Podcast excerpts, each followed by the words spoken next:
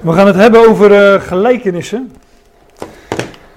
En de, de aanleiding voor mij was dat ik. Uh, ik wilde het in eerste instantie hebben over de gelijkenis van de barmhartige Samaritaan. Ik denk, nou, dat is een mooi om eens een keer te bespreken. Maar toen, uh, toen dook ik eens wat verder in de gelijkenissen. En ja, dat is toch een, een fascinerend onderwerp. Dus ik dacht, nou, dan, die houden jullie te goed. Die van de barmhartige Samaritaan. Maar toen dacht ik van, nou, dan gaan we nog eens wat meer, uh, wat meer gelijkenissen bespreken.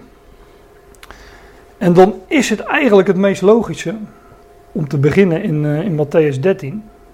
Want daar vinden we de eerste gelijkenissen die door, de, door Jezus worden uitgesproken. Laten we eerst een, een gedeelte lezen.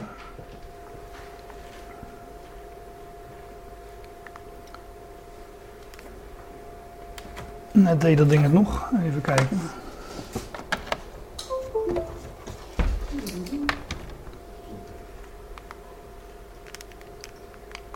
Ah. Ja. Um, ik, lees het, uh, ik lees het gewoon even voor. We lezen eerst een gedeelte uit Matthäus 13. Op die dag verliet Jezus het huis en ging bij de zee zitten. En veel menigte verzamelde zich om hem heen zodat hij in een schip ging zitten en heel de menigte stond op de oever. En hij sprak tot hen veel dingen door gelijkenissen. Hij zei, zie een zaaier ging erop uit om te zaaien. En toen hij zaaide, viel een deel van het zaad langs de weg en de vogels kwamen en aten dat op. Een ander deel viel op steenachtige plaatsen waar het niet veel aarde had en het kwam meteen op doordat het geen diepte van aarde had. Maar toen de zon opgegaan was, verschroeide het en doordat het geen wortel had, had verdorde het. Een ander deel viel tussen de dorens. De dorens kwamen op en verstikten het. En weer een ander deel viel in de goede aarde en gaf vrucht. Het een honderd, het ander zestig en een ander dertigvoudig. Wie oren heeft om te horen, laat hij horen. En de discipelen kwamen, kwamen naar hem toe en zeiden tegen hem: Waarom spreekt u tot hen door gelijkenissen?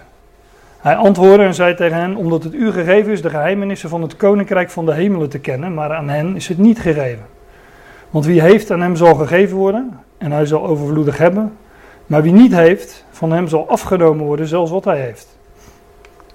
Daarom spreek ik tot hen door gelijkenissen. Omdat zij niet zien, ook al zien zij, en niet horen, ook al horen zij, en ook niet begrijpen. En in hen wordt de profetie van Jezaja vervuld, die zegt, met het gehoor zult u horen, maar beslist niet begrijpen, en ziende zult u zien, maar beslist niet opmerken. Want het hart van dit volk is vet geworden en ze hebben met de oren slecht gehoord en hun ogen hebben zij dicht gedaan. Opdat zij niet op enig moment met de ogen zouden zien en met de oren horen en met het hart begrijpen. En zij zich zouden bekeren en ik hen zou genezen.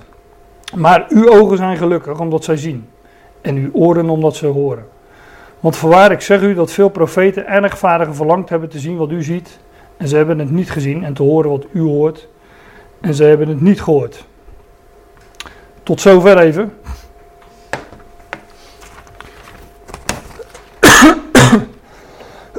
en dit is, uh, dit is Matthäus 13. En uh, ja, dan hebben we er natuurlijk al uh, twaalf hoofdstukken op zitten in, in het Matthäus-evangelie. En ik wil kort even laten zien in wat voor context we dit hoofdstuk Matthäus 13, ik zal zo wat meer over het hoofdstuk zelf vertellen, maar waarin we deze context van Matthäus 13 moeten plaatsen. Want de Heer Jezus ging uh, in gelijkenissen spreken. Opeens, out of the blue. Dat was natuurlijk de vraag, of was daar, een, uh, was daar wellicht een aanleiding voor? Kijk, um, dus in alle handboeken zo ongeveer vind je terug dat, uh, dat het Matthäus-evangelie Jezus presenteert als de komende koning. er wordt beschreven hier, uh, hier komt de koning, de Messias waar het Joodse volk op wachtte. En nou, dat kan ik laten zien in, helemaal in het begin van Matthäus. Bijvoorbeeld in Matthäus 3 vers 2. daar gaat het over Johannes de Doper in het voorgaande vers. In die dagen kwam Johannes de Doper dus trad hij op en hij proclameerde, hij predikte in de woestijn van Judea. En hij zegt, bezin je, bekeert u, staat in de meest gangbare vertalingen. Het heeft met denken te maken, bezin je, want het koninkrijk van de hemelen is genaderd, is nabijgekomen. Dat is dus uh, de voorloper van de Heer Jezus, hè, Johannes. Zo wordt hij ook uh, voorzegd. Van hem wordt tevoren geprofiteerd dat hij zou komen. Bijvoorbeeld in Jezaja. Dat hij de wegbereider was van de Heer Jezus. Bij de komst van een koning kwamen, kwamen vaak wegbereiders. Zorgden dat de straten schoon waren en dat aangekondigd werd dat de koning kwam. Zodat de mensen zich daarop konden voorbereiden. Nou, Johannes de Doper was zo'n wegbereider. Die was de wegbereider van de komende koning. En hij, uh, hij predikte dan ook: bekeert u of bezint u, want het koninkrijk is nabijgekomen. En dus moest de koning komen, want voor een koninkrijk heb je wel een koning nodig. Nou, hier wordt het het koninkrijk van de hemelen genoemd in, uh, in Matthäus. Een andere evangelie heet het dan net weer wat anders: het koninkrijk van God. Of gewoon het koninkrijk, elders in de schrift het koninkrijk van Christus.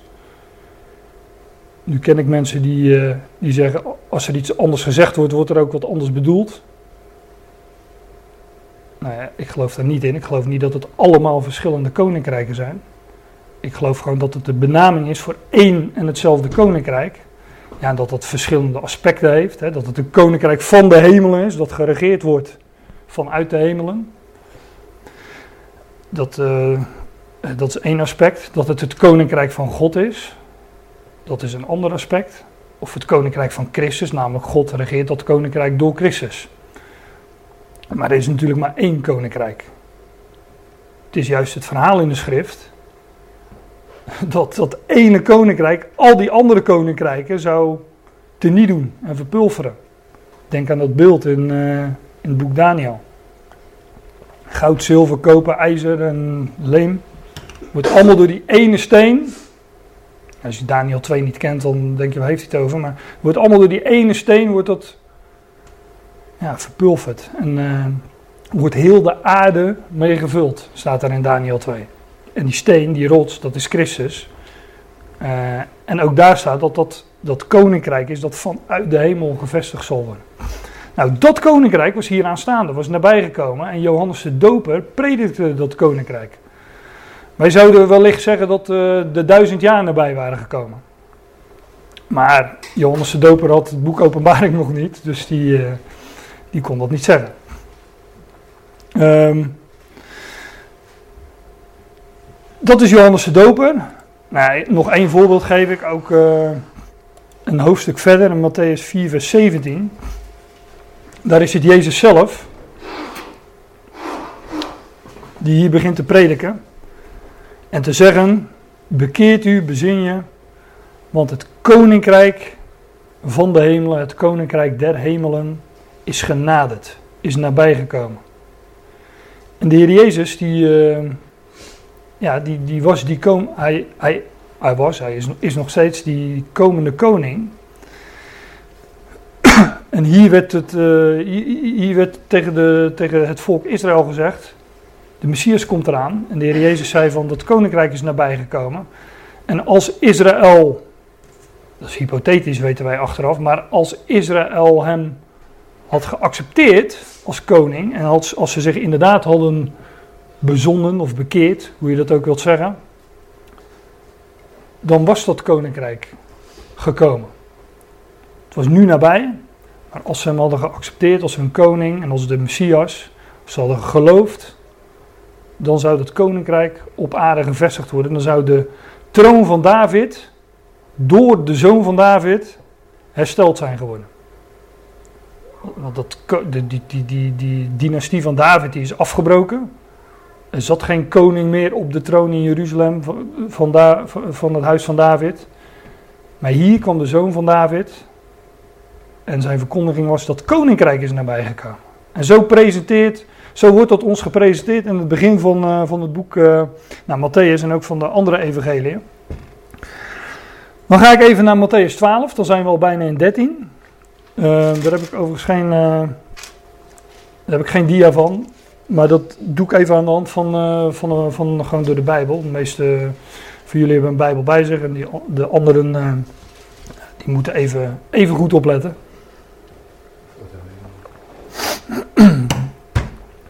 In Matthäus 12, daar vinden we dat de Heer Jezus massief, om het even zo te zeggen, of met nadruk wordt afgewezen. Door, uh, door het Joodse volk en met name door uh, de leidslieden van het volk. In uh, vers 9 tot 21 vind je bijvoorbeeld uh, de geschiedenis van de man met de dorre hand. Verschrompelde hand, een hand die, ja, waar geen kracht in zat. En heel kort gezegd, uh, nou, de Heer Jezus geneest die man op de Sabbat.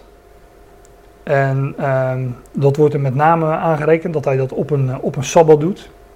Maar die man met die verschrompelde hand is een beeld van Israël.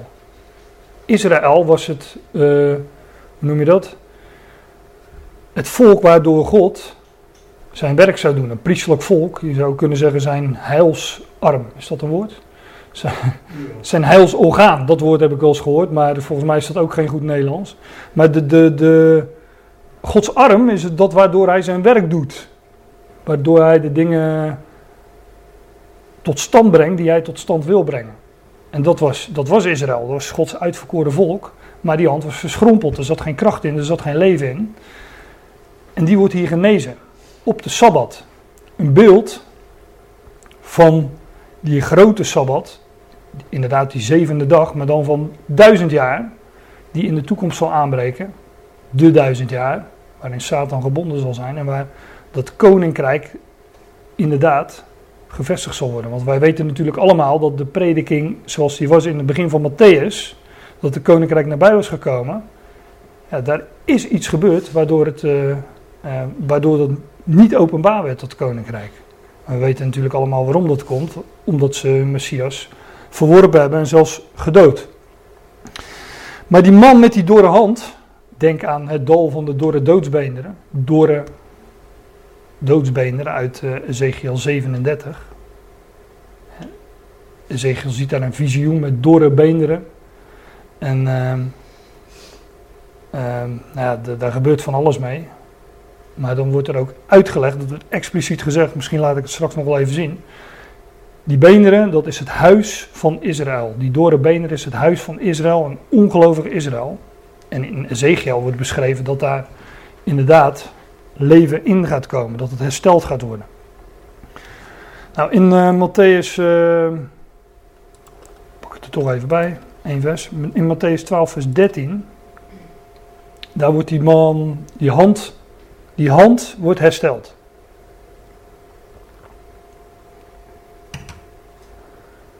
Dat woord hersteld, zoek het maar eens na. Dat vind je in het Nieuwe Testament een aantal keren met betrekking tot het koninkrijk dat hersteld zou worden.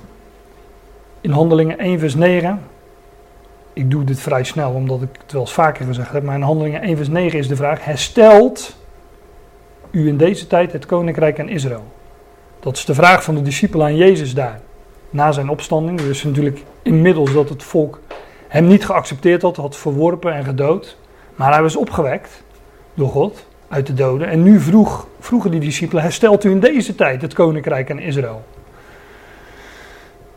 Nou ja, ook intussen weten we dat dat niet, dat dat niet gebeurd is. En doorheen het boek Handelingen zie je um, hoe de verkondiging van dat koninkrijk naar de achtergrond verdwijnt.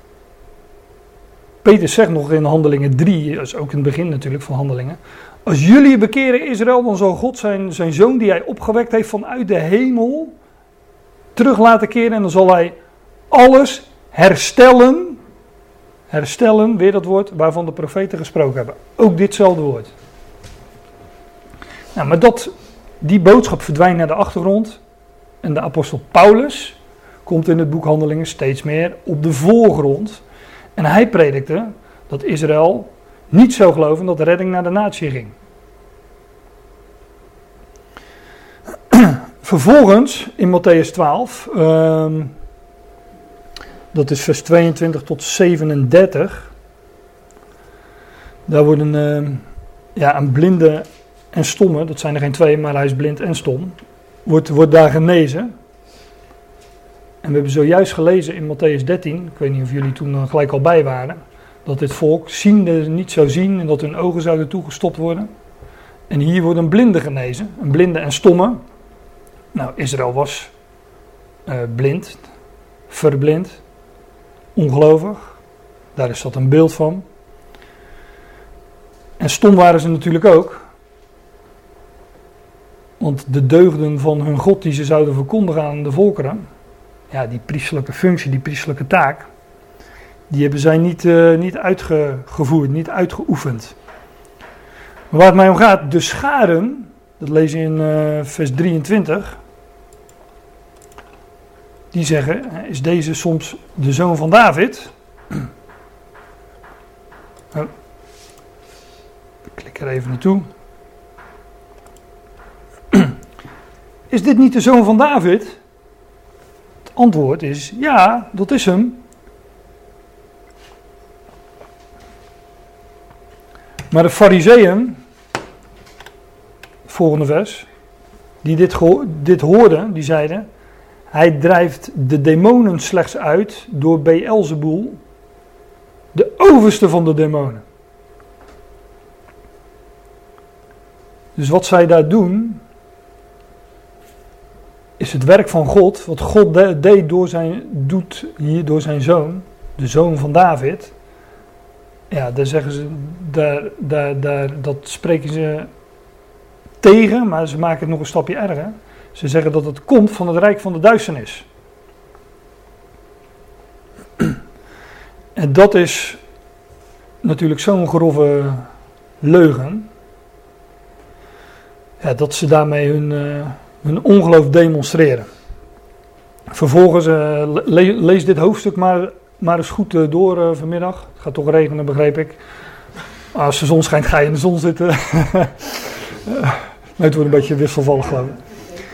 Maar vervolgens zeggen, in, in, het tweede, in het laatste deel van het hoofdstuk zeggen ze van, komen ze naar Jezus toe, ja we willen wel een teken van u zien. Hij heeft net twee tekenen gedaan, hè? twee tekenen die wijzen, die ook een vooruitwijzing zijn op het, uh, op het herstel van Israël. En dan komen ze naar hem toe, ja we willen van u wel een teken zien. In vers 38 is dat. En uh, nou ja, dan, uh, dan zegt hij nog dat ze geen ander teken krijgen dan een teken van Jona de profeet enzovoorts. Nou, en dan sla ik om. en ik klik hier dan weer even er naartoe. En dan gaan we naar Matthäus 13, want daar, uh, naar dat gedeelte wat we net gelezen hebben. en ik hoop dan een beetje context geschilderd te hebben van waar die, geheimen, waar die geheimenissen, waar, waarin die uh, gelijkenissen, waar, in wat voor situatie, in wat voor context, die werden uitgesproken.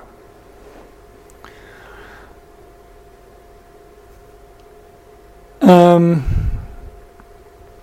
in, in Matthäus, laat ik dat eerst nog even laten zien. Dit kunnen jullie niet lezen, denk ik. Nee, maar dit, dit, is, uh, dit zijn de gelijkenissen van Matthäus 13 op één, op één pagina. Dat moest even, want ik wil het op één pagina zetten. Als je een Bijbel hebt, kun je dit, kun je dit ook uh, vrij makkelijk zien. Um, kijk, zo'n uh, zo'n zo laptop met, een, met, met, een, uh, met zo'n softwareprogrammaatje en een, een PowerPoint. Dat is allemaal heel makkelijk, want je kan snel springen. En, uh, alleen je, raakt, je kan daardoor natuurlijk overzicht kwijtraken, omdat je telkens aan het inzoomen bent op één vers. Je laat één vers zien. En als je een Bijbel hebt, dan zie je van, oh, Matthäus 13, ja, dat staat inderdaad in het verband van Matthäus 12. En um, nou, ik heb hier Matthäus 13 over, open liggen en dan zie je ook kopjes erboven staan. Uh, waar je niet altijd veel aandacht aan moet besteden. Maar dan zie je de, oh, de gelijkenis van het zaad. En dan uh, waarom Jezus door gelijkenissen sprak. En dan komt de verklaring van de gelijkenis van het zaad. Nou, enzovoort. Zo zie je uh, heel snel een beetje zo'n opbouw. Want hier wordt in de, deze zwarte letters, dat is de gelijkenis dus inderdaad van het zaad. Die wordt dan onderbroken door dit gedeelte, Dit heb ik overigens gewoon ook uh, zo goed als één op één overgenomen van de website van de herziene statenvertaling. Maar er staat hier waarom Jezus door gelijkenissen sprak. Dat zijn dus de kopjes van de herziene statenvertaling. Maar dan krijg je de uitleg van de zaaien. Van de gelijkenis van de zaaien. We hebben, dat net we hebben net dit gedeelte gelezen. Zwart, groen en zwart. Vervolgens krijgen we een nieuwe gelijkenis. Het onkruid tussen de tarwe. In de rood. Maar ook die wordt onderbroken door de gelijkenis van het mosterdzaad en de gelijkenis van het zuurdeeg. Dat is deze paarse, zijn er, uh, zijn er drie versen en twee gelijkenissen. Die worden onderbroken, die, die van het onkruid tussen de tarwe, door die twee gelijkenissen van het zuurdeeg en mosterdzaad. Andersom, mosterdzaad en zuurdeeg. En dan komt de uitleg van de gelijkenis van het onkruid. En dan vervolgens komen er nog een aantal gelijkenissen. De schat in de akker. De parel van grote waarde staat erachter. Het visnet. En de gelijkenis van de schriftgeleerden. Ik weet niet of jullie wel eens van die laatste hebben gehoord. Daar, daar kom ik nog wel op, uh, op terug. Want ik geloof, ik geloof dat dit acht gelijkenissen zijn. En meestal gaat men ervan uit dat het er zeven zijn. Maar daar komen we nog op, want we, uh, deze keer niet, maar ik wil volgende keer gewoon verder gaan in uh, Matthäus 13 en die andere gelijkenissen ook bespreken. Omdat ik omdat ik denk dat, dat dit, als je, als je het over gelijkenissen gaat hebben, dat dit hoofdstuk echt fundamenteel is. Dat is logisch, want het is, het, is, het is sowieso de eerste keer dat de Heer Jezus over gelijkenissen gaat spreken. Um, en het is de enige plek waar uitgelegd wordt waarom er in gelijkenissen wordt gesproken. Je vindt het ook in Marcus en Lucas, maar dan is het bij dezelfde gelegenheid. Matthäus 13 en volgens mij is Marcus 5 en Lucas 8 uit mijn hoofd. Um, is de, de, dat is de enige schriftplaats waarom, waar uitgelegd wordt waarom de Heer in gelijkenissen sprak en ging spreken. Nou, ik heb die context al een beetje aangegeven. Hij deed, hij deed dat omdat hij stuitte op afwijzing. Massieve afwijzing, nadrukkelijke afwijzing van het, van het volk en met name van de leiders van het volk. Dan lees je op die dag. Want het gebeurt op die dag, dat betekent dus dat we het voorgaande wel even in de picture moeten hebben. Dan moeten we moeten weten welke dag was dat dan. Nou, op die dag, toen hij op die afwijzing stuitte, toen hij werd afgewezen, op die dag op die dag verliet Jezus het huis en ging bij de zee zitten.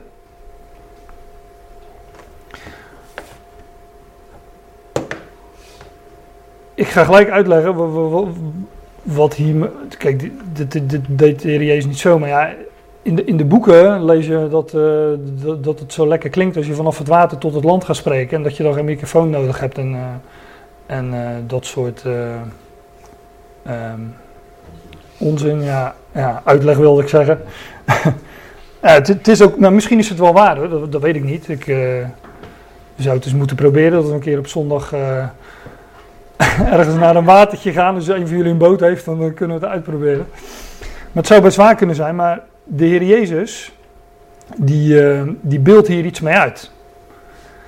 En we hebben het net gelezen, want de Heer zegt, ik ik kom daar straks, uh, straks ga ik die versen sowieso nog e- ook even doornemen. De Heer zegt sowieso dat hij in gelijkenissen spreekt, opdat zij ziende niet zien. En horende niet horen. Maar in eerste instantie zegt opdat zij ziende niet zien. Maar wat zien die mensen hier? Nou, dat Jezus in een, uh, het huis verliet en bij de zee ging zitten. En veel menigte verzamelde zich om hem heen, zodat hij in een schip ging zitten. En heel de menigte stond op de oever. Dat is wat ze zagen. Jezus in een bootje, die, uh, die zijn verhaal vertelde. Nou, Jezus ging uit het huis. En ik zal zou talloze schriftplaatsen aan kunnen halen om te laten zien dat het huis het huis van Israël is. En ik noemde net Ezekiel 37. Dus ik, uh, ik laat één voorbeeld zien uit Ezekiel 37, vers 11. Ehm, lees ik even uit de MBG. Daar staat: Voortzeide hij tot mijn mens, mensenkind, deze beenderen, die door het doodsbeenderen, zijn het gehele huis van Israël.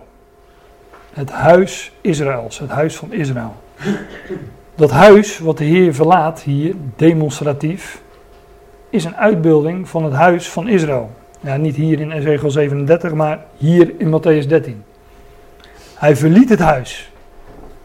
De Heer zou namelijk dat huis verlaten. En dat koninkrijk zou niet openbaar worden, zeg ik er meteen bij. En hij ging bij de zee zitten. Jezus zat bij de zee.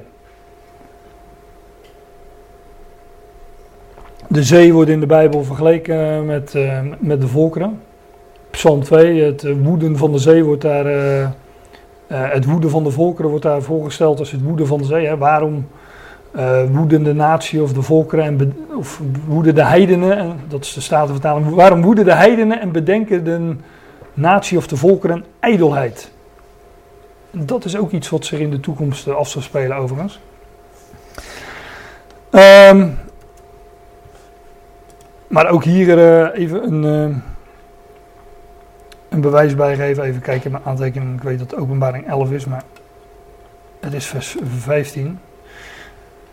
De bezuinen, de zevende engel blies de bezuin.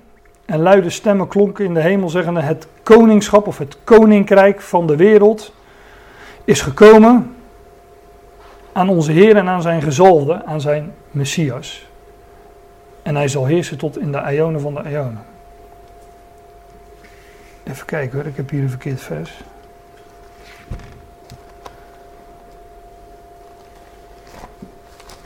Is helemaal verkeerd. Het moet openbaring 17 zijn volgens mij.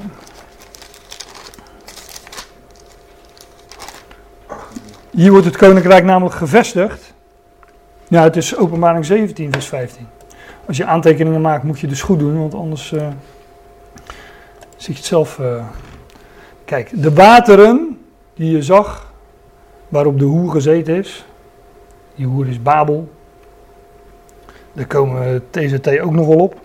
Uh, de, de, de wateren die je, die je zag, die je waarnam, waarop de hoer gezeten is, zijn natieën, menigten, volken en talen. Heb je zo'n paar synoniemen bij elkaar. Maar de wateren, de zeeën, ja, die, zijn, die zijn een uitbeelding van de volkeren. Het woeden van de volkeren zijn. Nou, Jezus verliet het huis en ging bij de zee zitten. Nou, dat is dus wat de schare zag. Tenminste, zij zagen het wel, maar ze zagen het toch niet. Zij zouden, ziende, zie, zij zouden zien, maar toch niet zien. Opdat zij uh, ziende niet zien. Staat er in Matthäus 13, vers 13.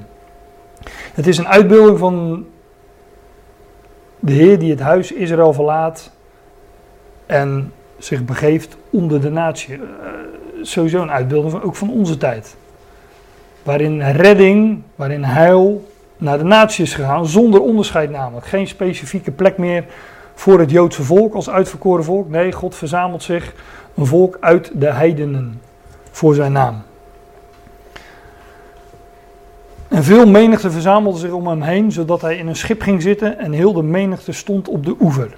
Vanaf de zee wordt gesproken tot het land. Vanuit de volkeren wordt gesproken tot Israël. Tot het land Israël. En zoals ook dat staat bijvoorbeeld in het Oude Testament al voorzegd. ik zal door belachelijke lippen en door een andere tong of andere taal tot dit volk spreken. Voor een Jood is het belachelijk, inderdaad, dat het woord van God in een andere taal dan de Hebreeuwse taal gesproken zou worden. Want ja, die Hebreeuwse taal, dat wordt ook wel de taal van God genoemd. Hè? De, de taal van de overzijde. En heel het Oude Testament is ook, uh, bijna heel het Oude Testament is ook in het Hebreeuws geschreven. Ik zal door belachelijke lippen en een andere taal, een andere tong tot dit volk spreken. Er zijn allerlei vervullingen van. Maar um, eh, bijvoorbeeld het spreken in tongen. Maar wat dacht je van het Nieuwe Testament, dat in het Grieks is geschreven? En als een Jood kennis wil krijgen van Christus, dan, zal hij, dan moet hij de brieven van, uh, nou ja, van Paulus, laten daar even toe beperken. In deze tijd zijn die brieven, is die boodschap leidend. Nou, is in het Grieks geschreven. Dus God spreekt door belachelijke lippen tot dit volk, namelijk in het Grieks. Nou, dat uh, wordt hier uh, uitgebeeld. Christus, uh, de Heer Jezus, verlaat het huis, ging bij de zee zitten op een bootje in de zee. Laat ik nog één vers laten zien, omdat het ook de boodschap van Paulus is. Colossense 1 vers 27. Aan hen wil God bekendmaken wat de rijkdom van de heerlijkheid van dit geheim, deze verborgenheid, dit geheimenis, is onder de natie. Christus onder jullie. De hoop van de heerlijkheid. De zeebeeld van de natie. Hier Christus onder jullie natie. Oftewel Jezus op een bootje in de zee. Maar nu spring ik wat heen en weer.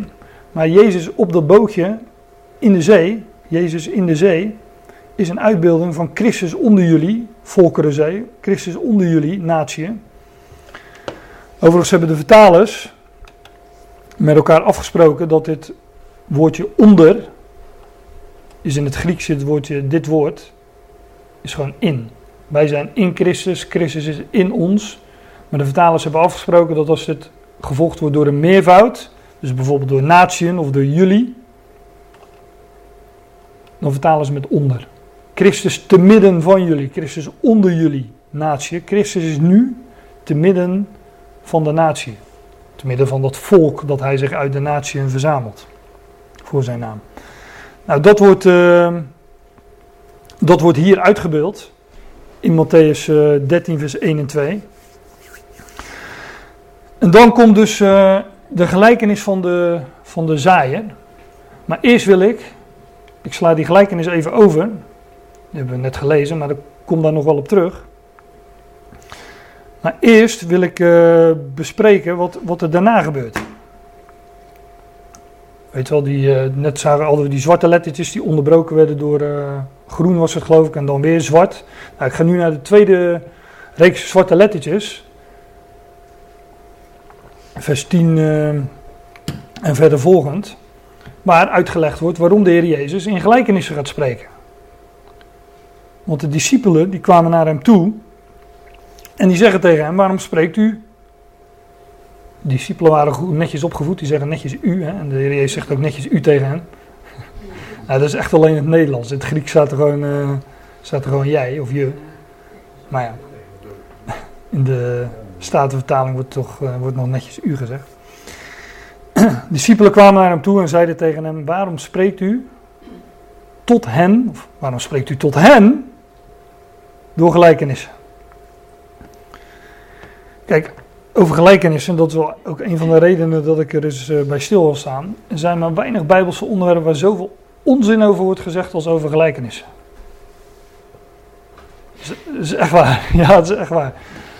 Uh, men zegt bijvoorbeeld, nou, dat was een uh, gewoonte in het, uh, in het Midden-Oosten, in die dagen, in die streek. Dat was een gewoonte om, ja, om daardoor allerlei verhalen van alledaagse dingen, dingen duidelijk te maken. Nou, dat wordt hier falikant tegen gesproken, want ten eerste komen de discipelen naar Jezus toe en die zeggen, waarom spreekt u tot hen door gelijkenissen? En dan zegt Jezus niet van, jullie weten toch dat dat een gewoonte is hier in het Midden-Oosten? Nee, dat zegt hij niet. Want het, uh, anders hadden de discipelen die, die, natuurlijk ook die vraag niet gesteld. Nee, ze hadden geen flauw idee waarom hij dat deed. Het is dus geen gewoonte. Um, en het is ook niet om dingen duidelijk te maken, daar, daar kom ik dan straks op. Uh, dat woord gelijkenis.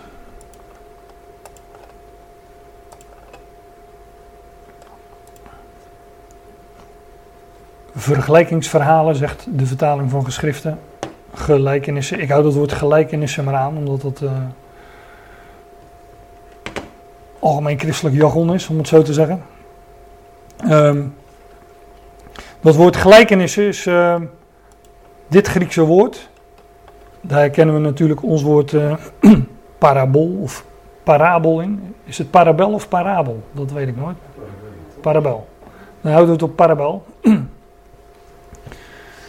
um, maar dat is opgebouwd uit uh, twee woorden. Para is naast. En ballo of bolet of uh, hoe dan ook, dat is werpen. Dus je iets ernaast zetten, stellen, gooien. En dus een, uh, een vergelijkingsverhaal. Een parabel, je zet er iets naast om, ja, om, een, om een beeld te creëren. Er wordt dus ook al uh, vertaald met uh, ver, vergelijkingsverhaal, vergelijkingsspreuk, vergelijkingsbeeld. nou, noem het maar op. Um, ja, in, uh, ik, ik, ik, spring even. Het, is vandaag wat, wat veel en ik ga ook wat heen en weer, omdat we, toch, we moeten toch een basis ook leggen. Ik, ik ik had eerst aan gedacht om de hele ochtend een soort inleiding te houden op, uh, op de gelijkenissen. Maar ik wilde ook gewoon wat gelijkenissen bespreken. En als we de, de komende week of maanden nog een paar bespreken, dan um, zal ik ook nog wat uitstapjes maken naar Oude Testament en dergelijke. Om, uh, maar dan doen we het wat meer stapje voor stapje.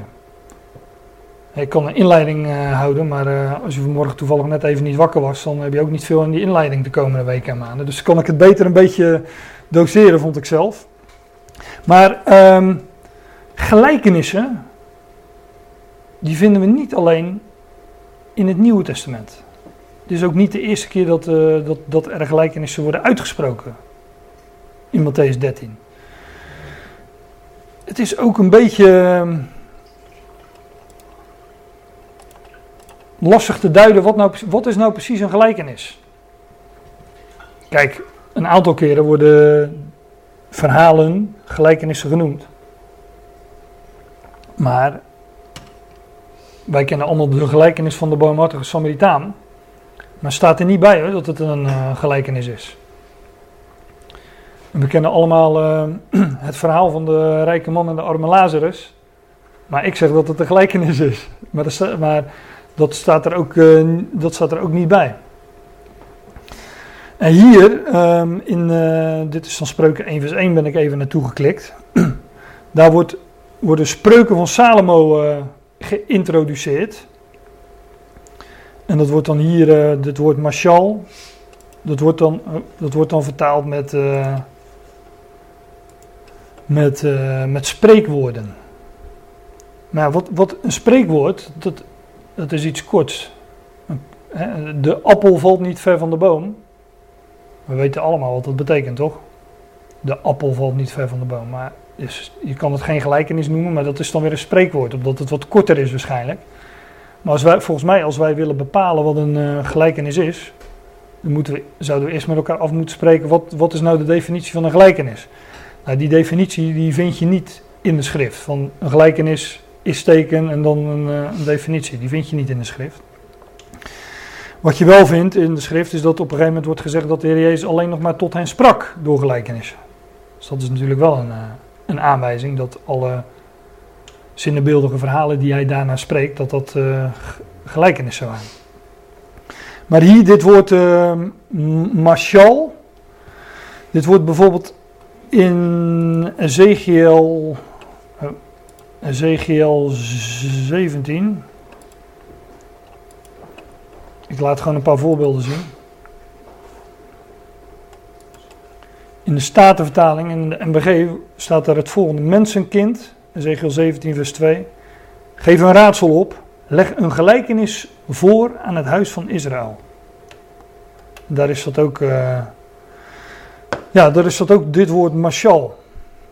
Wat je daar uh, tegenkomt pak me niet op mijn uitspraak. Ik heb geen flauw idee hoe ik het uitspreek. Dus. Maar, uh, maar dat is dus wel een, uh, wel een interessante. Um, in het verband met gelijkenis. Maar op het Oude Testament daar kom ik, kom ik wellicht later ook nog eens op terug. Want ook in het, in het Oude Testament vind je gelijkenissen. weet niet of jullie uh, Richteren 9 kennen. Daar staat, de bomen gingen eens heen om een koning over zich te zalven. Nou, er worden allerlei bomen naar voren gehaald die, uh, die ze eventueel zouden willen als hun koning. Maar iedereen weet natuurlijk dat het, uh, dat het geen, geen letterlijk een geschiedenis is die letterlijk heeft plaatsgevonden, maar dat het een, een gelijkenis is. En er wordt, er wordt daarin ook uitgelegd wat het, wat het betekent. Dus gelijkenissen vind je ook al in het Oude Testament. Dat wilde ik even zeggen. En het is natuurlijk um, ja, de, de scheidslijn tussen spreekwoorden en gelijkenissen, die zal, uh, die, zal, die zal volgens mij alleen zo ongeveer met de lengte te maken hebben. Maar een spreekwoord zou je ook een gelijkenis kunnen noemen. Een gelijkenis, een spreekwoord wordt wat lastiger, omdat een spreekwoord natuurlijk echt één woord is, of een zin of een zinsdeel. Nou ja, ik haak weer aan in uh, vers, uh, vers 10 van Matthäus 13. De leerlingen, de discipelen, die komen naar Jezus toe en zij zeggen: Waarom spreek jij tot hen in gelijkenissen? Ik doe het wel even zo, dat is makkelijker. Waarom spreek je, spreekt u tot hen door gelijkenissen? En hij antwoordde en zei tegen hen: Omdat het u, dat is een meervoud, omdat het jullie gegeven is de geheimenissen van het koninkrijk van de hemelen te kennen, maar aan hen is het niet gegeven. Overigens, waar de herziene statenvertaling geheimenissen heeft, daar heeft de oude statenvertaling verborgenheden. Dus dat is echt hetzelfde. Geheimen, geheimenissen, verborgenheden. Het heeft allemaal wel. Uh, wel iets. Het heeft allemaal iets in zich van waar het werkelijk van spreekt.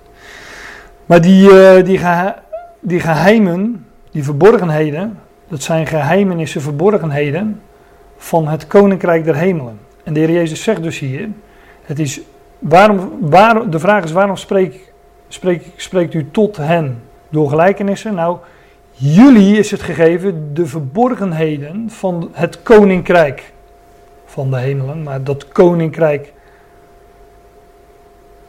Jullie is gegeven om die verborgenheden te kennen, maar aan hen is het niet gegeven. Dus blijkbaar spreken die geheimenissen over de verborgenheid van het koninkrijk.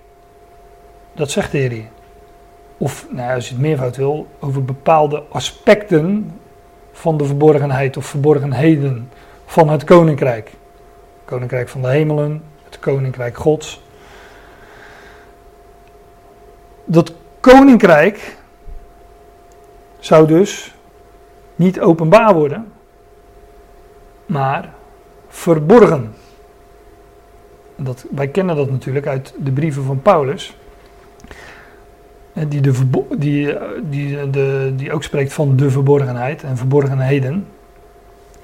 Maar hier wordt dus al gezegd tegen de discipelen: ja, jullie is het gegeven om de geheimen van het koninkrijk van de hemelen te kennen, maar aan hun is het niet gegeven. En de Heer spreekt die dingen uit. Hij ging in gelijkenissen spreken op die dag, namelijk op die dag dat duidelijk was, werd, dat, dat ze hem niet zouden accepteren als hun koning. En dat, dat dus het koninkrijk geen geopenbaard koninkrijk zou worden, maar in eerste instantie een verborgen koninkrijk. En over die periode dat het koninkrijk verborgen zou zijn, daarover spreken de gelijkenissen. Over de verborgenheid van dat koninkrijk. Of je het in meerwaarheid wil, over de verborgenheden van het koninkrijk Gods, koninkrijk van de hemel. Maar dat koninkrijk zou zich verbergen. Het zou niet openbaar worden. Dat wordt in de toekomst wel openbaar. Namelijk die duizend jaar, wanneer, deze, wanneer, de, wanneer de zoon van David inderdaad zal regeren op de troon van David. Maar in die tijd vanaf dat moment, tot aan het geopenbaarde koninkrijk, die periode is de verborgenheid van het koninkrijk der hemelen. En daarover spreken de gelijkenissen.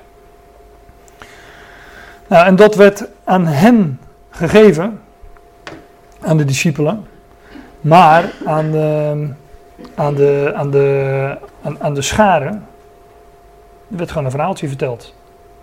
Dus die stonden te kijken naar Jezus in een boot die een verhaal vertelde. En ze hadden geen flauw idee waar hij het over had. Ze vond het waarschijnlijk wel een mooi verhaal. Maar de Heer ging later pas, de Heer ging later pas aan de discipelen uitleggen, daar kom ik straks op, zal na de pauze worden, ging hij uitleggen wat die gelijkenis betekent. En daarmee heb je ook meteen uh, een andere misverstand getackeld, dat gelijkenissen dingen uitleggen. Een gelijkenis is niet te uitleggen, een gelijkenis moet uitgelegd worden. En um, dat wil ik nog even laten zien. Dat woord geheimenissen, verborgenheden, dat is mysterion of mysteria. Maar dat, dat eerste deel, muo, van dat woord betekent ook dicht doen. Het wordt dicht gedaan, het wordt gesloten. Het wordt dicht gedaan en bewaard. Dat zegt dat woord geheimenis of verborgenheid in de, in de elementen van het Grieks waaruit het is opgebouwd. Dicht doen plus bewaren. Dat is, dat is dus, eh, de, de, het is dus het tegenovergestelde. Het is het tegenovergestelde van openbaren. Hè? Dicht doen en bewaren is het tegenovergestelde van openbaren. Dus het koninkrijk werd niet geopenbaard, maar het werd dicht gedaan en gesloten. Het werd verborgen, het werd geheim.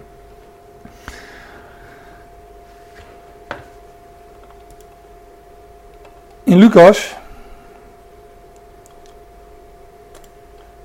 19 vers 11 vind je daar een mooi voorbeeld van. Zij, dat zijn de discipelen, zij luisteren naar deze dingen en hij, dat is Jezus, hij voegt er iets aan toe door een vergelijkingsverhaal, dus door een gelijkenis. Omdat hij dicht bij Jeruzalem was en zij menen, dat, hier het het koninkrijk van God, en zij menen dat het koninkrijk van God ogenblikkelijk zal opdoemen. Terstond openbaar zou worden, zegt de NBG. Zij menen dat het koninkrijk terstond openbaar zou worden. En daarom sprak de Heer een verborgenheid. Om te laten zien dat het koninkrijk verborgen zou worden. En namelijk een gelijkenis. Zij dachten, nu gaat het koninkrijk terstond openbaar worden. En omdat zij dat dachten, daarom voegde de Heer daar een gelijkenis aan toe. Want die gelijkenissen spreken van dat verborgen koninkrijk.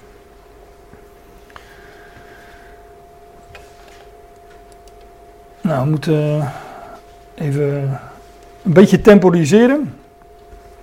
Um, ja, die discipelen, die, zij waren, aan hen werd het gegeven, die geheimen, die verborgenheden van het koninkrijk te kennen. Maar aan de scharen, aan de mensen, aan de, aan de overigen, werd dat niet gegeven. Zij geloofden, en daarom werd het hen gegeven om uh, die uh, verborgenheden te kennen. Maar zij die niet geloofden, hen werd het niet gegeven. En aan de discipelen, lees in vers 18 en vanaf vers 36, um, werden gelijkenissen uitgelegd. Vers 18 ga, ga, ik naar de pauze naartoe. Daar staat, jullie dan horen de gelijkenis van de zaaier en dan gaat de Heer hem uitleggen. In vers 36 lees je, toen Jezus de scharen van zich gelaten had, um, ging naar huis en zijn discipelen kwamen tot hem zeggen, verklaar ons de gelijkenis van het onkruid in de akker. En dan gaat hij ook die gelijkenis uitleggen. Nou, we vinden niet elke gelijkenis in de Bijbel uitgelegd, maar wel een aantal. En doordat de Heer een aantal uitlegt, um, worden we op het juiste spoor gezet. En uh, met, die, uh, met dat gereedschap kunnen we de rest ook uh, um, onderzoeken. Die mysteries ontrafelen, om het zo te zeggen. Ja, even nog door de volgende vers heen. Want wie heeft, die zal gegeven worden en hij zal overvloed hebben. Maar wie niet heeft, ook wat hij heeft, zal hem ontnomen worden. Wie heeft wat, wat zij hadden, wat, wat het, hier wordt tot het volk gesproken, want wie niet heeft, want wie heeft, die zal gegeven worden. Nou, de discipelen die hadden, en zij zouden overvloed hebben. En geest even naar wie, uh, zij hadden namelijk het woord van het koninkrijk, hadden die discipelen. Dat hadden ze allemaal, want dat werd tot hun gepredikt, zowel tot de discipelen als tot de scharen. Wie heeft, die zal gegeven worden en hij zal overvloed hebben. Ze hadden het woord van het koninkrijk, daar gaat deze gelijkenis over, maar ja, uh, nu loop ik een beetje vooruit op, uh, op, straks naar de pauze, want dat zaad is het woord van het koninkrijk. Dat, dat wordt straks uitgelegd, moet, moet, moeten jullie nu even me aannemen. Maar dat, sta, dat staat er gewoon letterlijk. En wie dat woord van het koninkrijk heeft, wie het gelooft, die zal gegeven worden, zegt Jezus. Zijn discipelen zouden gegeven worden. En wat zou gegeven worden? Nou, de verborgenheden, de geheimenissen. En zij zouden overvloed hebben. Zij zouden namelijk onderwezen worden in die geheimenissen, in die verborgenheden van het koninkrijk. Dat wat de schade, die mensen op de oever, die ontvingen dat niet. Die hoorden alleen een verhaal en die kregen daar niet de uitleg bij. En dat staat er dan ook. Wie niet heeft, het woord van het koninkrijk, ook wat hij heeft, zal hem ontnomen worden. Ze hadden een woord van de verwachting van een koninkrijk en dat werd hun ontnomen. Het woord van het koninkrijk uh, bekeer je, bezin je, want het koninkrijk der hemel is nabijgekomen. Die verwachting hadden ze, dat woord hadden ze, dat was hen gepredikt en dat zou hun afgenomen worden. Want het koninkrijk zou verborgen worden. En zij zouden daar op dat moment, in die verborgenheid, geen specifieke rol in spelen als volk, als Joods volk. Het zou hun uh, ontnomen worden. En dat beeldt de Heer dan ook uit als hij het huis uitgaat en naar de zee gaat. Het koninkrijk wordt niet openbaar, wordt verborgen en uh, bevindt zich onder de natie. Wie heeft, die zal gegeven worden en hij zal overvloed hebben. Maar wie niet heeft, ook wat hij heeft, zal hem ontnomen worden. Daarom, let op, dat is een belangrijk vers, Matthäus 13, vers 13, altijd onthouden. Daarom spreek ik tot hen in gelijkenis. Omdat zij, terwijl zij aan het kijken zijn, het niet bekijken. Omdat zij ziende niet zien en horende niet horen of begrijpen. Daarom, let op, hè, daarom spreek ik tot hen in, uh, in gelijkenissen. Ze zouden zien en niet zien. Nou, wat zagen zij? Jezus, afstand nemend van het land, zittend op de zee. Als beeld van het huis verlatend, het huis van Israël verlatend. En vanuit de volkeren, zich onder de volkeren begevend, sprekend tot, tot het land, het land Israël.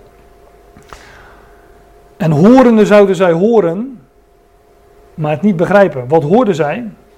Zij hoorden een verhaal over een zaaien die zaaide en waar dat zaad terecht kwam. Maar ze begrepen het niet. Ze begrepen het niet. Nou, dat is dus ziende, zien, ziende niet zien en horende niet horen.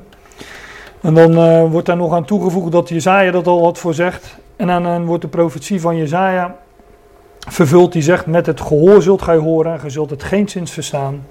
Ziende zult gij zien Gij zult het geen zins opmerken. Jezaja had dat eeuwen daarvoor uh, voorzegd. In, uh, ik meen Jezaja 6 is dat, maar met een Bijbel met goede verwijzingen kom je daar wel. En dan wordt de profetie van Jezaja dus vervuld. Die zegt, met het gehoor zult gij horen, gij zult het geen zins verstaan, zien zult gij zien, gij zult het geen zins opmerken. Want het hart van dit volk is vet geworden, log, zwaar, en hun oren zijn hardhorend geworden. Zie je, die, eh, die dove is dat uit Matthäus 12. En, de, de, en uh, oh nee, dat was geen dove, dat was een, uh, een blinde en stomme geloof ik. Maar we vinden ook nogal wat doven in, uh, in de evangelie die ook genezen worden. Hè? Want het volk is nu, hè, het hart van het volk is vet geworden, hun oren zijn hardhorend geworden. Hun ogen hebben zij toegesloten opdat zij niet zien met hun ogen en met hun oren niet horen, met hun hart niet verstaan en zich bekeren en ik hen zou genezen. In de toekomst zal dat volk genezen worden. Op die, op die Sabbat en daarom, daarom genaste je dan ook uh, ja, bijna standaard die mensen op de Sabbat. Nou, dan ben ik... Uh,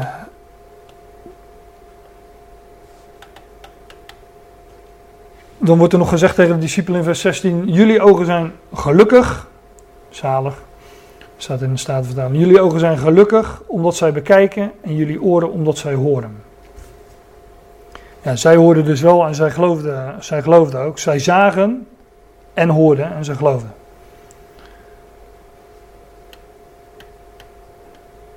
Want Voorwaar of amen, ik zeg tegen jullie, vele profeten en rechtvaardigen hebben begeerd waar te nemen wat jullie bekijken en ze hebben het niet waargenomen. Te horen wat jullie horen en ze hebben het niet gehoord. En dan volgt de uitleg van de gelijkenis van de zaaien. Maar dat doen we na de koffie.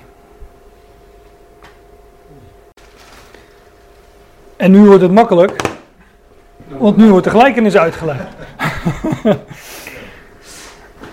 In, vanaf vers, uh, vers 18, de gelijkenis van de zaaien. Overigens, dat uh, staat niet in Matthäus, maar volgens mij in Marcus 5 is dat dan. Zoek dat nog maar eens na. Daar zegt de Heer tegen de discipelen van. Uh, ik zeg het even met mijn eigen woorden. Als je deze gelijkenis al niet begrepen hebt, hoe uh, moet ik jullie dan de andere gelijkenissen uitleggen? Dus het is wel handig als we, als we deze begrijpen voordat we andere gelijkenissen gaan uh, bespreken. Ik zit even kijken of ik dat zo snel kan vinden. Dat is Marcus 4. Ah ja. Vers 13. Hij zeide tot hem, weet gij deze gelijkenis niet? Hoe zult gij dan alle gelijkenissen verstaan? Dus uh, ja, daarmee wordt toch wel, uh, daarmee wordt toch ook wel aangegeven dat dit een, uh, een niet al te moeilijke gelijkenis moet zijn. En dat is het ook niet. Dus we gaan gewoon naar de uitleg. Luistert u dan naar de gelijkenis van de zaaien. Als iemand het woord van het koninkrijk hoort en het niet begrijpt, dan komt de boze en rukt weg wat in zijn hart gezaaid was. Dat is hij bij wie langs de weg gezaaid is. Dus um, ja, er staat overigens in de grondtekst. Hoor dan de gelijkenis van de zaaien. En dat staat ook al, dat ga ik al even laten zien. Uh, hier staat in de vertalingen: een zaaier ging uit om te zaaien. Maar er staat de zaaien. De, overigens, de blauwe letters is let, wat er letterlijk staat. De groene letters, dat, zijn, dat is de MBG-vertaling. Hoe de MBG dat weer heeft. Het is de zaaien. Niet een zaaien, maar de zaaien. En dat is het hier ook. Uh, de zaaier zaait het zaad en de zaaier is. Uh, de zaaier is volgens vers. Even kijken, even spieken, vers 36. Nee, uh, vers 37. Daar staat, dat is de verklaring van de gelijkenis van het onkruid. Daar staat hij antwoorden en zeide tot hem: Die het goede zaad zaait, is de zoon des mensen. Dus de zaaier is de zoon des mensen. nou. En die gaat zaaien. En die zaait het woord van het koninkrijk. Hè? Want er staat als iemand het woord van het koninkrijk hoort. En het niet begrijpt, dan komt de boze en rukt weg wat in zijn hart gezaaid was. Dat is hij bij wie langs de weg gezaaid is. Dan heb ik de. Kijk, dit is de uitleg. En dit zijn. Uh, hier heb ik dan de vers even geprojecteerd van de gelijkenis zelf. Want daar stond. En toen hij zeide viel een deel van het zaad langs de weg en de vogels kwamen en aten het op. Nou, dat is dus een beeld van iemand die het woord van het koninkrijk hoort en het niet begrijpt. Dan komt de boze en rukt weg wat in zijn hart gezaaid was. Oftewel, die vogels zijn een beeld van de boze. Zo makkelijk is het. En um, kijk, dat, dat zaad, eh, even terug, dat, dat zaad is een beeld van het woord van het koninkrijk. Als je het in uh, andere evangelie opzoekt, in Marcus, in Lucas, daar wordt het of het woord genoemd of het woord van God. Hier heet het het woord van het koninkrijk. In eerste instantie is dat het woord wat de Heer Jezus, in Johannes Doper en uh, wat zij spraken tot het volk van Israël. Het woord van het koninkrijk, hè, van uh, bezint, jullie, bekeer want het koninkrijk der hemel is nabijgekomen. Nou, dat is het woord van het koninkrijk. Als ze dat zouden horen en niet begrijpen, dan komt de, de boze en die rukt weg wat in zijn hart gezaaid was. Dat is hij bij, uh, die, bij, die langs de weg gezaaid is. De boze, ja, dat is natuurlijk uh, de duivel, de Satan, de regeerder van deze boze aion, want wij leven in een boze aion. Uh, en die, uh, nou ja, die, vogels zijn daar een beeld van. Noem nog een plek waar, waar, vogels, uh, waar we vogels tegenkomen in de Bijbel. Hm? Ja, raven zijn dat. Ja. De, de raven die Elia eten komen brengen. Maar dat is een beeld van dood en opstanding. Dat, uh... um, de allereerste keer is bij Abraham. Die, die een offer brengen en die moet ook eens de vogels wegjagen. Omdat ze die, uh, dat vlees wat hij wilde offeren wilde wegnemen. Genesis 15. Um, Jozef met de schenker en de bakker. Die bakker die had een mand op zijn hoofd. Wie kwamen daar om dat brood, het beeld van het woord van God, te roven? De vogelen des hemels. Um, ik heb er nog een gevonden. In Daniel 4 heeft Nebukadnezar een droom. Had hij al vaker. Maar in Daniel 4 uh, heeft hij een droom van een boom. Die uitgroeit tot over heel de aarde, tot aan het einde der aarde staat er. En de vogelen des hemels nestelen zich in die boom. En Daniel legt dan uit aan Nebukadnezar: die boom, dat ben jij. In jouw koninkrijk. En blijkbaar voelden de vogelen zich, des hemels zich erg thuis in, uh, in die boom. En ik haal die even aan, omdat we volgende keer uh, ook bij een gelijkenis van een mosterdzaad komen, wat uitgroeit tot een enorme boom. Waarin de vogelen des hemels zich nestelen. Dus, uh, en ik zeg al, gelijkenis wordt zoveel onzin overkondigd. Die gelijkenis wordt altijd heel positief uitgelegd, terwijl het een, een negatieve strekking heeft. Maar daarover de volgende keer meer. Maar dat zijn zo'n paar schriftplaatsen waar we, waar we die, uh, die vogels ook tegenkomen. Uh, dat is hij bij wie die bij de weg uh, gezaaid is. Kijk, die wegen, dat zie je op het plaatje, dat is geen asfalt. Nee, dat zijn platgestampte, platgetreden paden. Dat, zijn de, dat is gewoon een beeld van de traditie. De, de, de platgetreden paden, daar waar iedereen loopt, dus lopen wij daar ook. En diegenen die dat, het woord van het koninkrijk hoorden, ook voornamelijk primair in de tijd van de Heer Jezus, was een natie levend onder de wet. En uh, het waren juist de leidslieden, de fariseeën en schriftgeleerden die de traditie en overleveringen van uh, mensen volgden en uh, ook bepaalden. Het waren juist diegenen die niet geloofden. Hun hart was platgestampt, hard, verhard. En daardoor waren ze niet ontvankelijk voor dat zaad, namelijk het woord van God, het woord van het koninkrijk.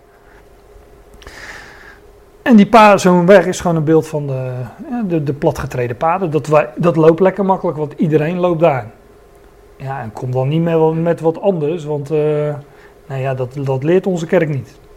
Of uh, onze dominee denkt er anders over. Of uh, in ieder geval tradities, overleveringen van mensen. daardoor, wordt een mens niet, daardoor is een mens niet ontvankelijk voor het woord, het woord van het koninkrijk, maar eh, sowieso voor het woord. Als je tradities van mensen volgt, dan heeft dat geen ingang. Nou, en dan, voordat het zaad ook maar, voordat er iets mee kan gebeuren, is de boze er al en die rukt het weg.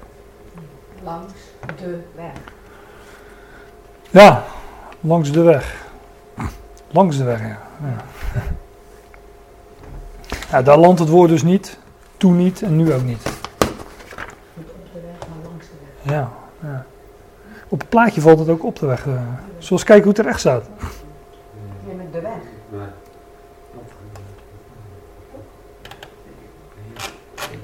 De weg. Is Christus, ja. Ja, moet wel erg ver. Uh, die naast de weg gezaaid wordt. Ja.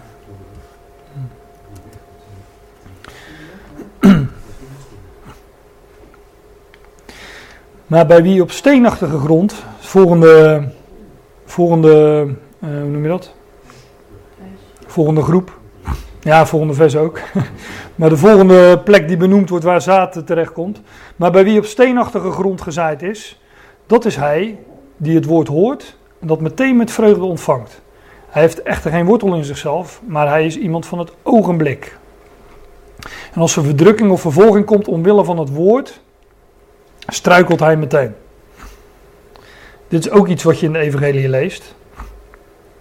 Dat uh, eh, dat de Heer Jezus had eerst veel volgelingen. Op, op een gegeven moment in Johannes 6 bijvoorbeeld, daar lees je dat, eh, dat hij uh, toespraak houdt, wat dingen zegt. Dat er, dat er dan zijn die zeggen, deze reden is hard. En die, dan zijn er discipelen, veel discipelen staat er, dat woord leerlingen, discipelen. Er zijn er veel leerlingen die hem verlaten op dat moment. Vanwege wat hij daar naar voren brengt. En um, ja, ook bij Paulus vind je dat. Hè? Die, uh, die zegt op een gegeven moment ook, uh, ze hebben maar alle verlaten. En hier uh, gaat het over het woord. Die mensen die, uh, die het weliswaar met vreugde ontvangen. Maar het is niet blijvend. Het is van het ogenblik, van het moment. Dat is dat woord dat gezaaid wordt op steenachtige plaatsen. Waar dan een dun laagje aarde weliswaar overheen ligt. Maar waar het uiteindelijk geen, geen vrucht brengt. En bij wie in de dorens gezaaid is, dat is hij die het woord hoort, maar de zorgen van deze aion staat er letterlijk, de vertaling wereld. De zorgen, de bezorgdheid van deze aion en de verleiding van de rijkdom verstikken het woord en het wordt onvruchtbaar. Ja, de zorgvuldigheden of de bezorgdheid, de zorgen van deze aion. Dat waar men zich in deze tegenwoordige, boze, aion noemt de Bijbel dat, waar men zich dit, in dit tijdperk allemaal uh, druk om maakt. Primair is dat natuurlijk uh, hoe komen we aan ons eten en drinken. Maar uh, je kunt ook denken aan ehm, dat het helemaal misgaat met deze wereld. En, ja, de verleidingen van de rijkdom staat natuurlijk ook. Maar dat waar men zich in deze aion druk om maakt, weet ik veel, politiek, status enzovoorts, dat, dat, dat kan dat woord verstikken. Als je je hart daarop hebt gezet, dan. Of als je uh, rijk wilt zijn, hè, de verleiding van de rijkdom, dat verstikt het woord. Nou ja. Het is overigens geen. Uh, de Bijbel zegt nooit iets, over, nooit iets negatiefs over rijk zijn. Hm? Nou, we hadden het net over bitcoins en alles. De Bijbel zegt nooit iets over uh, rijk zijn, maar wel de, het, het, de begeerte om rijk te willen zijn. Het streven daarna. Als je, als je daar je hart op hebt gezet, dan ja, dat verstikt het woord en het wordt onvruchtbaar. Bij wie in de goede aarde gezaaid is, dat is hij die het woord hoort en begrijpt. Je zou dus horen en begrijpen en dan draagt het vrucht. Bij wie in de goede aarde gezaaid is, dat zij die het woord hoort en begrijpt, die ook vrucht draagt en voortbrengt. De een 100, de ander 60 en de ander 30voudig. Het draagt dus pas, uh, pas, pas vrucht bij wie hoort en begrijpt. Hè? Dat moet, uh, we zouden wellicht zeggen, dat moet landen in het hart. En dan, uh, dan gaat het pas, pas, pas vrucht dragen. Um, Ja, ik ga nog even naar de volgende gelijkenis, dat 160 en 30voudig. Daar, uh, daar hebben we het misschien nog wel een keer over. Ik wil nu even iets, uh, iets meer tempo maken om de volgende gelijkenis uh, te bespreken. Dat is de gelijkenis van het onkruid. Er zijn maar een paar versen. maar die ligt in het verlengde van deze gelijkenis, want ook hier wordt gezaaid. Dan staat er een andere gelijkenis, hield hij hun voor. Hij zei: Het koninkrijk van de hemelen is gelijk aan iemand die goed zaad zaaide in zijn akker. Maar toen de mensen sliepen, kwam zijn vijand en zaaide onkruid tussen de tarwe en ging weg. Toen het gewas opkwam en vrucht voortbracht, kwam ook het onkruid tevoorschijn. De dienaren van de heer des huizes gingen naar hem toe en zeiden: Heer, hebt u niet goed zaad in uw akker gezaaid? Waar komt dan dit onkruid vandaan? En hij zei tegen hen: Een vijandig mens heeft dat gedaan. De dienaren zeiden tegen hem: Wilt u dan dat wij erheen gaan en het verzamelen? Maar hij zei: Nee, opdat u bij het verzamelen van het onkruid niet misschien tegelijk ook de tarwe zelf uittrekt. Laat ze allebei samen tot de oogst opgroeien. En in de oogsttijd zal ik tegen de maaiers zeggen: Verzamel eerst het onkruid, bind het in bossen om het te verbranden, maar breng de tarwe bijeen in mijn schuur. Um, eerst even dit, voordat we verder gaan. In Matthäus 13 hebben we acht gelijkenissen, zei ik al. Deze hebben we gehad. De zaaien. Uh, dit, is, de- gelijkenis van het onkruid. Ehm, daarna krijgt hij van het mosterdzaad, zuurdesem, schat in de akker, parel, visnet en de schriftgeleerde. En die gelijkenissen kun je categoriseren, omdat ze, eh, deze staat enigszins op zichzelf, die van de zaaien. Eh, en deze beginnen allemaal, onkruid, mosterdzaad en zuurdesem, beginnen allemaal met een andere gelijkenis. Hield hij hem voor. Het koninkrijk der hemelen is gelijk aan. Doordat ze alle drie zo beginnen, weet je dat ze iets met elkaar te maken moeten hebben.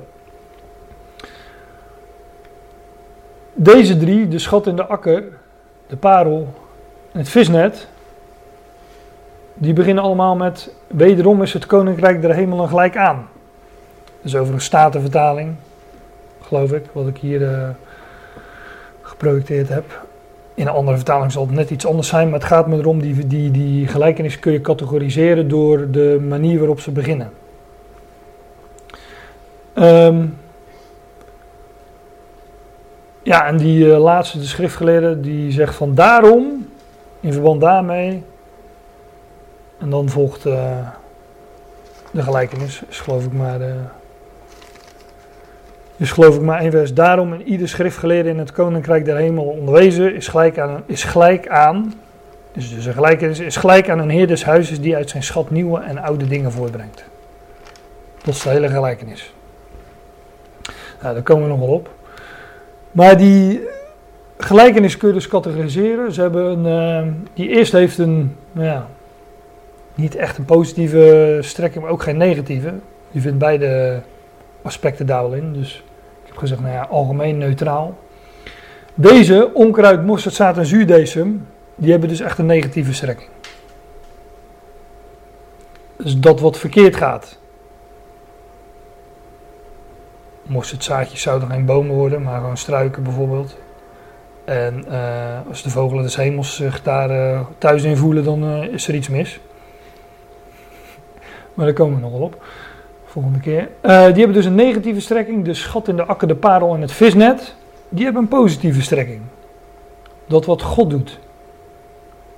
En die schriftgeleerde is dan weer een, eh, een algemene, neutrale gelijkenis. En alleen al, eh, als je het zo neerzet, die structuur, dan weet je al, als je de zeven hebt, dat er ook nog een achtste moet zijn. Ja, maar kijk, deze drie. Je hebt, je hebt 1, 3, 3. En wat volgt er zou er dan volgen? Ja, spiegelen. Dus weer een 1. Nou, dus, en die staat er ook. Alleen die wordt op de een of andere manier maar zelden eh, erkend of en herkend. nou, die gelijkenis van het eh, onkruid die hebben we gelezen. En ehm, die is ook niet moeilijk, want die wordt ook uitgelegd.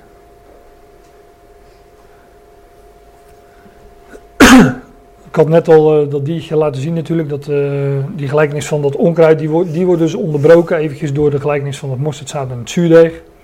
Nou, dat heb ik laten zien op die dia met al die kleurtjes. Die, eh, die staat vanmiddag ook op mijn website, dus als je dat nog eens terug wil zien, dan kan dat. Ehm, nou, we gaan gewoon even naar, we gaan gewoon naar de uitleg. In Matthäus 13 vanaf vers 36.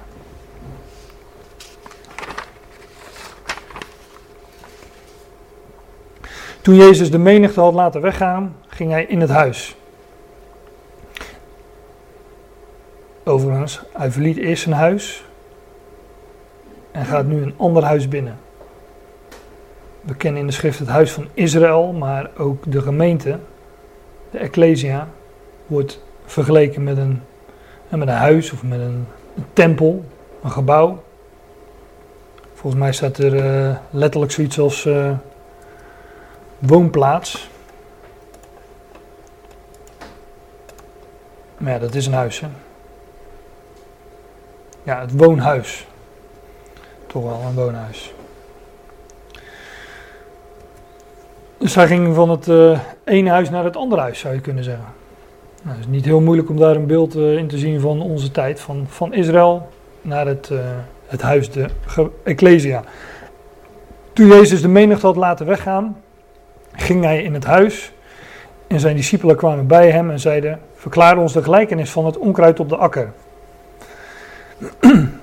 en uh, ik zeg dat nog maar weer eens: dat, uh, ja, dat, dat, dat de gelijkenissen dus blijkbaar toegelicht moeten worden en niet een toelichting zijn. Niet een uitleg zijn, maar een uitleg, uitleg behoeven. Namelijk omdat daar zaken in verborgen zitten en in verborgen worden. En die geheimen worden alleen, die worden maar aan, aan sommigen uh, uitgelegd. Aan degene die die uitleg willen. Toen Jezus de menigte had laten weggaan, ging hij in het huis en zijn discipelen kwamen bij hem en zeiden: Verklaar ons de gelijkenis van het onkruid op de akker. Hij antwoordde en zei tegen hem: Hij die het goede zaad zaait, is de zoon des mensen. dus hier is weer de zoon des mensen die gezaaid heeft. En dat is, uh, dus, dat is dus in de gelijkenis van de zaaier ook het geval. Daar, uh, dat is de zaaier. De akker is de wereld. Zo simpel is het. God zaait via de zoon des mensen zijn zaad, zijn woord in deze wereld. Overigens is dit belangrijk om te weten dat de akker de wereld is, want ook in Matthäus 13 komen we nog een gelijkenis tegen met een akker. Namelijk de schat in de akker. Ik heb het net laten zien. En uh, ik zei al, uh, even een zijlijntje, ik zei al dat er veel onzin wordt gezegd over gelijkenissen. Als je de gelijkenis van, ehm, eh, van die schat in de akker, dan zegt men vaak wij zijn die man en die schat dat is Christus en dan moeten wij er alles voor over hebben om die schat te pakken te krijgen.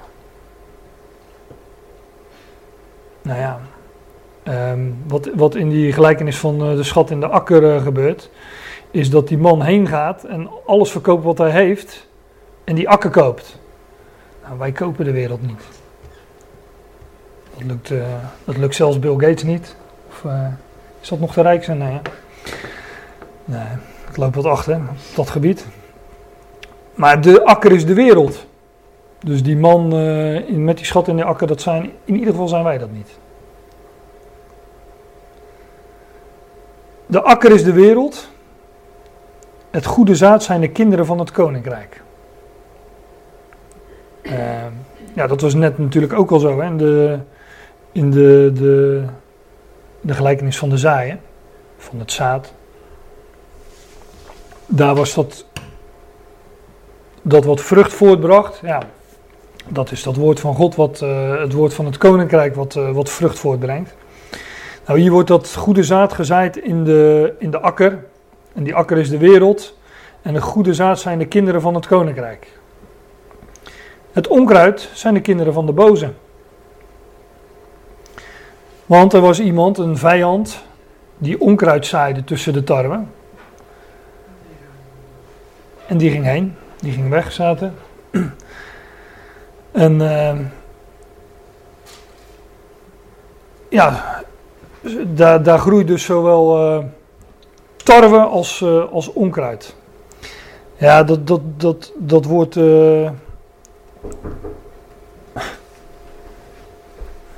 Dat wordt tarwe. Um, even kijken of dat zo gauw kan vinden.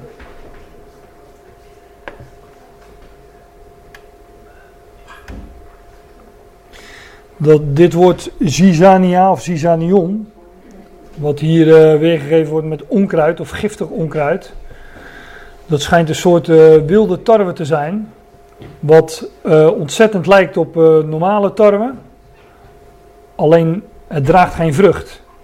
Dus het lijkt als twee druppels water op tarwe. Ga maar even, ga maar even met je tabletje naar boven of zo. Ja, ik heb niet gevraagd. Nee.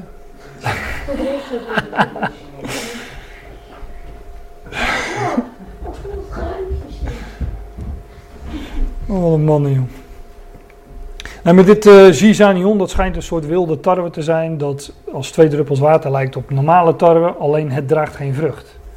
En de, de, de vrucht die je draagt, ja, het draagt dus wel vrucht, maar giftige, giftige, giftige, giftige vrucht.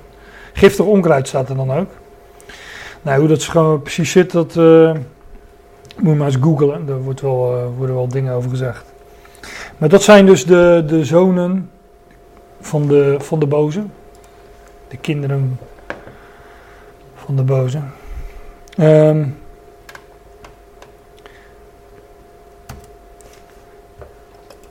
de vijand die het gezaaid heeft, is de duivel. Die vijand die kwam en die zeide, die zeide verkeerd zaad. En uh, nou, die vijand is dus de duivel, en dat is in het Grieks diabolos. En dat is uh, uh, letterlijk vertaald degene die alles door elkaar werpt. Die de dingen door elkaar gooit. Nou, hier gooit hij dus slecht zaad tussen het, tussen het goede zaad. De vijand die het gezaaid heeft is de diabolos, de duivel. En de oogst is de voleinding van de aion. Van de, van de wereld zeggen de vertalingen. Maar dat is het niet. Het is de vertaling van de aion. Maar op zich is het natuurlijk al een, uh, een studie op zich om, uh, om die aion even, die aion waar het hier over gaat, om dat in het kader van de aionen te plaatsen. Want een aion is een tijdperk. Ik zei al, wij leven in deze tegenwoordige boze aion, waarin de boze regeert. En in deze boze aion regeert dus de duivel, de, de, de, de boze. En, um, maar deze aion, die zal voleindigd worden. Dit tijdperk zal voleindigd worden. En dan vindt er uh, een oogst plaats. Um, maar als deze aion voleindigd wordt, zal er een nieuwe aion aanbreken. De, de tegenwoordige boze aion zal verwisseld worden voor de toekomende aion. En dat is de aion waarin het koninkrijk geopenbaard zal worden. Waarin het koninkrijk gevestigd zal worden. Uh, waarin Christus, de zoon van David, op de troon van David zal zitten en zijn koninkrijk zal uitbreiden over uh, heel deze wereld. En dan is deze boosaardige aion ten einde en dan wordt de boze ook gebonden voor duizend jaar en in de put gegooid. Openbaring 21. En dat is wat men in, uh, wat Johannes de Heer geloof ik noemde, het uh, duizendjarig vrederijk. Dat is geen bijbelse term, maar het is af en toe goed om het te gebruiken, want bijna iedereen weet wel wat er dan bedoeld wordt. Maar deze aion die zal beëindigd worden en er zal een nieuwe aion aanbreken. De boze zal gebonden worden en dan zal het koninkrijk van Christus, waar het hier over gaat, het koninkrijk der hemelen, dat zal geopenbaard zijn. Maar in de voleinding van die aion, um, ja, daar zal uh, onkruid en tarwe gescheiden worden. Om het bij de beeldspraak uh, te houden. Bij de voltooiing, voleinding, of hoe je dat ook zegt, van deze boze aion begint de toekomende. En dat is het koninkrijk, het koninkrijk van de hemel. In dat koninkrijk, hier op aarde, uh, is niet helemaal waar wat ik zeg, maar dat zal uh, gestalte krijgen hier op aarde. Maar dat is natuurlijk ook een hemelse aspect aan het koninkrijk. Maar in dat koninkrijk, daar zullen alleen gelovigen ingaan. In het koninkrijk van Christus, straks hier op aarde, zullen alleen gelovigen ingaan. Ongelovigen, niet-gelovigen, die zullen worden verwijderd. En dat wordt hier beschreven in beeld. De vijand die het gezaaid heeft is de duivel. Die heeft dus onkruid gezaaid tussen de tarwe. De oogst is de voleinding van de wereld en de maaiers zijn de engelen. Zoals dan het onkruid verzameld en met vuur verbrand wordt, zo zal het ook zijn bij de voleinding van deze aion. De zoon des mensen zal zijn engelen, boodschappers, uitzenden. En ze zullen uit zijn koninkrijk verzamelen alle struikelblokken, alle valstrikken, staat er geloof ik, uh, andere vertaling. En hen die de wetteloosheid doen, want die zullen het koninkrijk niet ingaan. Die zullen dat koninkrijk op aarde, van, het koninkrijk van Christus niet beërven. Zullen dat niet ingaan.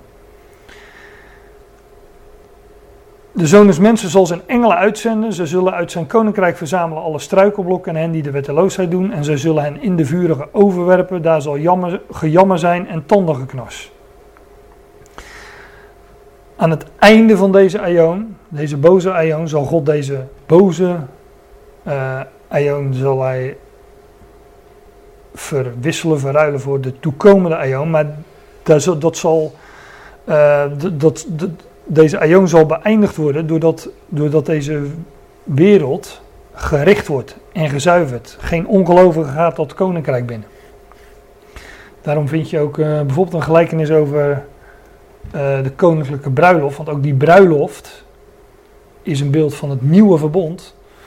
En uh, is ook een beeld van het komende koninkrijk. En dan zit er op een gegeven moment iemand in die zaal. Die heeft niet de juiste kleding aan. In die gelijkenis. En die wordt eruit gehaald. Want ongelovigen komen niet in het koninkrijk.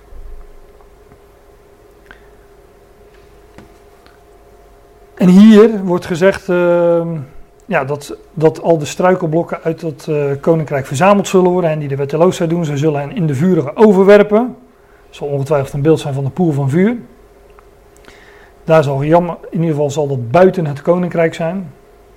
Daar zal gejammer zijn en tandengeknas.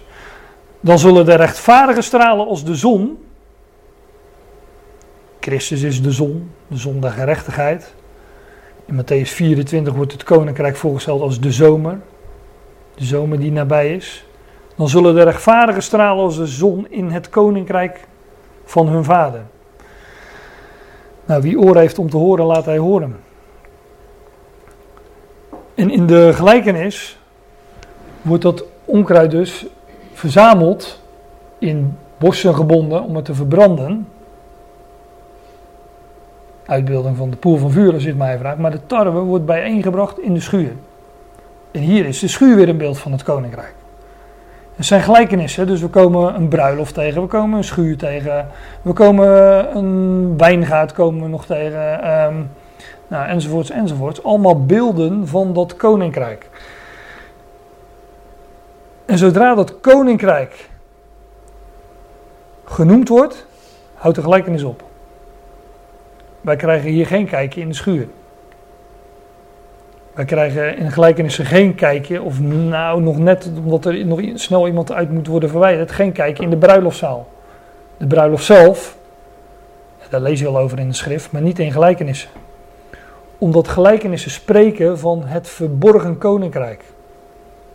En zodra het tarwe in dit beeld bijeen verzameld is in de schuur, is het koninkrijk aangebroken wordt het koninkrijk openbaar. Zodra het nieuwe verbond, dat huwelijksverbond, wordt gesloten, wordt het koninkrijk openbaar, vind je dus ook niet in gelijkenissen. Dus gelijkenissen die houden soms nogal abrupt op. Waarom zijn dat uh, de poel des vuurs zijn en waarom niet het Gehenna? Ja, ja, ja, ja. Als je het hebt over tanden geknarst, dat lees ik altijd bij Gehenna. Ja, ja, ja, ik denk, ja, daar heb je denk ik, ja, daar heb je gelijk in. Ja, ja. ja. Cool, ze ook pas na aan het eind zelf. Ja. Die, die, jaar. Nee, dat, de, de vurige oven is een beeld van Gehenna. Ja, ja. Dankjewel uh, voor de correctie. Ja. De vurige oven is een beeld van Gehenna. Ja, daar zal... Uh, ja, dat gejammer en tandengeknas, dat vind je nog wel meer gelijkenissen. Dus daar kom ik nog wel, uh, kom ik nog wel eens op terug. Zij zullen buiten het koninkrijk zijn in, uh, in Gehenna, inderdaad, het, uh, het dal van Hinnom. En dus buiten het koninkrijk. Maar de gelijkenissen spreken over de tijd dat het koninkrijk verborgen wordt. Ja, en hier wordt dat natuurlijk echt de voleinding van die, van die, uh, van die verborgenheid van, de, van deze aion. De verleiding van de aion. Ja, die, die, die verborgenheid die zal beëindigd worden wanneer het koninkrijk openbaar wordt. En dat, maar dat geopenbaarde koninkrijk, ja, dat vind je niet in de gelijkenissen. Want daar gaan de gelijkenissen niet over. Dus elke keer als je denkt van, nou ja, dit is het einde van de gelijkenis, dan uh, is dat zo ongeveer voor het einde dat het koninkrijk aanvangt. Als je het hebt over die schat in de akker, dan koopt die man uh, in die gelijkenis, die koopt uh, die akker. Maar ja, wat zou hij nou met die schat gedaan hebben? Ja, dat vind je niet in de gelijkenis, want het gaat niet meer over verborgenheden. Nou ja, enzovoorts. Ehm,